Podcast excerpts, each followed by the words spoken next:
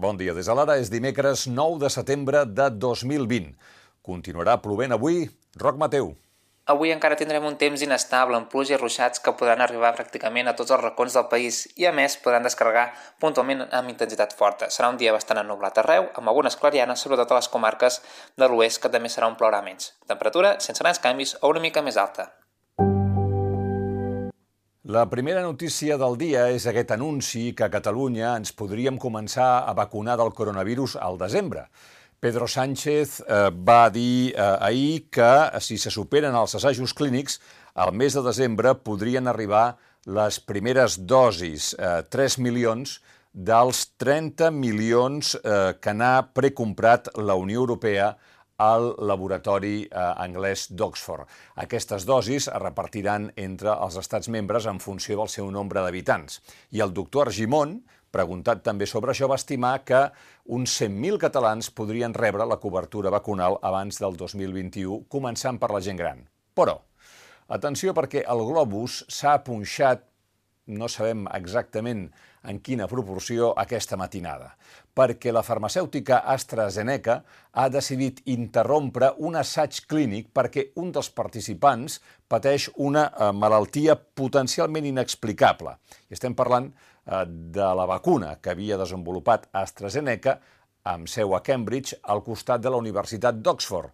De manera que eh, haurem de veure quin és l'impacte que pot tenir aquesta notícia de la suspensió dels assajos clínics amb aquest calendari eh, que semblava francament optimista. Conforme a final d'any podríem començar ja a veure els primers vacunats. Mentrestant, el Departament de Salut actualitzarà el protocol de residències de gent gran i la setmana que ve, eh, la setmana que ve permetrà que els residents puguin veure la família eh, com a mínim un cop per setmana i preveu que els mateixos residents puguin eh, sortir del centre. Actualment, de les eh, 53.000 persones grans ingressades, només 300 tenen Covid, és a dir, un 0,6% dels residents als centres estan afectats eh, pel virus. I parlant de tot això, el govern ha decidit que ni el president Torra ni cap conseller aniran a les manifestacions de l'ANC per l'11 de setembre. Sí que seran a la tradicional ofrena al monument de Rafael Casanova, que es mantindrà tot i la necessitat d'extremar precaucions. Recordaran una de les notícies d'ahir, el jutge creu que Jorge Fernández Díaz com a ministre de l'Interior i Maria Dolores de Cospedal com a secretària general del PP van organitzar un muntatge parapolicial per espiar i robar papers de Bárcenas, el tresorer del PP, fets que van portar el número 2 d'Interior, el número 2 de Fernández Díaz, el senyor Francisco Martínez, que era secretari d'Estat de Seguretat, a dir-li un jutge que se sentia vilment utilitzat per aquests miserables, va dir, eh, qualificatiu que també eh, era per Rajoy. Doncs bé, ahir, és clar, li van preguntar per aquest cas a Pablo Casado. Resposta, a mi que m'explica, jo era diputat de províncies. En este caso yo tengo que decir lo primero que en esos años yo era diputado por Ávila, no tenía ninguna responsabilidad en el partido, pero sí tengo que decir una cosa, que es que eh, hay que reafirmar la presunción de inocencia y no es una frase hecha.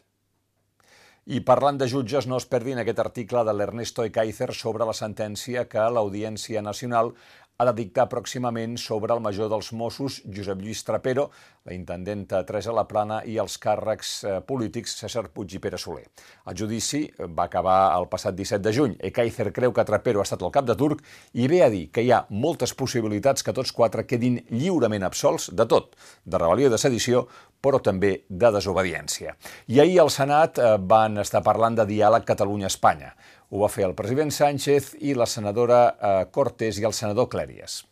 La necesidad de impulsar el reencuentro en Cataluña, en una comunidad autónoma que durante estos últimos años ha sufrido un desgarro, un desgarro político, emocional, y que este Gobierno, señorías, está comprometido, está comprometido en resolver por cauces políticos.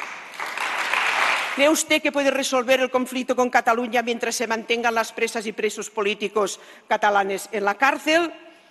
Exigimos que la mesa de negociación no sea una mesa de mercadeo de votos, no puede ser una mesa de socorro al PSOE. L'aprovació de la llei per regular el preu del lloguer a Catalunya que es debatrà avui al Parlament dependrà del vot final de Junts per Catalunya que al finals de juliol va introduir-hi esmenes, vuit esmenes. Ahir es van produir diverses reunions per intentar desbloquejar la situació i acostar eh, postures. Fins i tot el sindicat de llogaters es va trobar amb l'expresident Carles Puigdemont al migdia. Durant la tarda es van reunir d'urgència amb les forces impulsores del text per acostar postures, però no ho van aconseguir. La llei preveu congelar i abaixar els lloguers als 60 municipis catalans de més de 20.000 habitants. I el principal escull en aquests moments per les negociacions és determinar qui és o que es considera que és un petit propietari. I, per cert, la polèmica pels blocs de formigó que l'Ajuntament de Barcelona ha instal·lat en alguns carrers de l'Eixample per guanyar espai pels vianants pot acabar als tribunals, perquè eh, hi va haver-hi una denúncia i la fiscal de Seguretat Viària de Barcelona, Isabel López Riera, ha obert una investigació per aclarir si aquests blocs representen algun perill per la seguretat dels conductors i dels vianants. Encara no se sap on és l'opositora bielorrussa Maria Kolesnikova. En una entrevista ahir amb els principals mitjans russos, el president bielorrus Lukashenko es limitava a dir que l'opositora es trobava sota custòdia de la policia bielorrussa. I, mentrestant, eh, parlem eh, també en plana internacional de Boris Johnson i del que està passant amb el Brexit, i és que eh, té intenció, el primer ministre britànic, d'anul·lar parts del pacte de divorci del Brexit que va signar l'any passat amb la Unió Europea per formalitzar-ne la sortida. I això està posant els pèls de punta, no només a Europa, sinó eh, també a la Gran Bretanya. Diputats conservadors han criticat obertament la iniciativa. Economia, l'Albert Martín explica que després de l'anunci de fusió CaixaBank-Bànquia, fonts financeres expliquen que la situació del Banc Sabadell ha arribat a un punt que resulta inevitable pensar que es fusionarà amb un gran. Vaja, que el comprarà un gran perquè no en tindrà prou el Sabadell de menjar-se un petit per remuntar.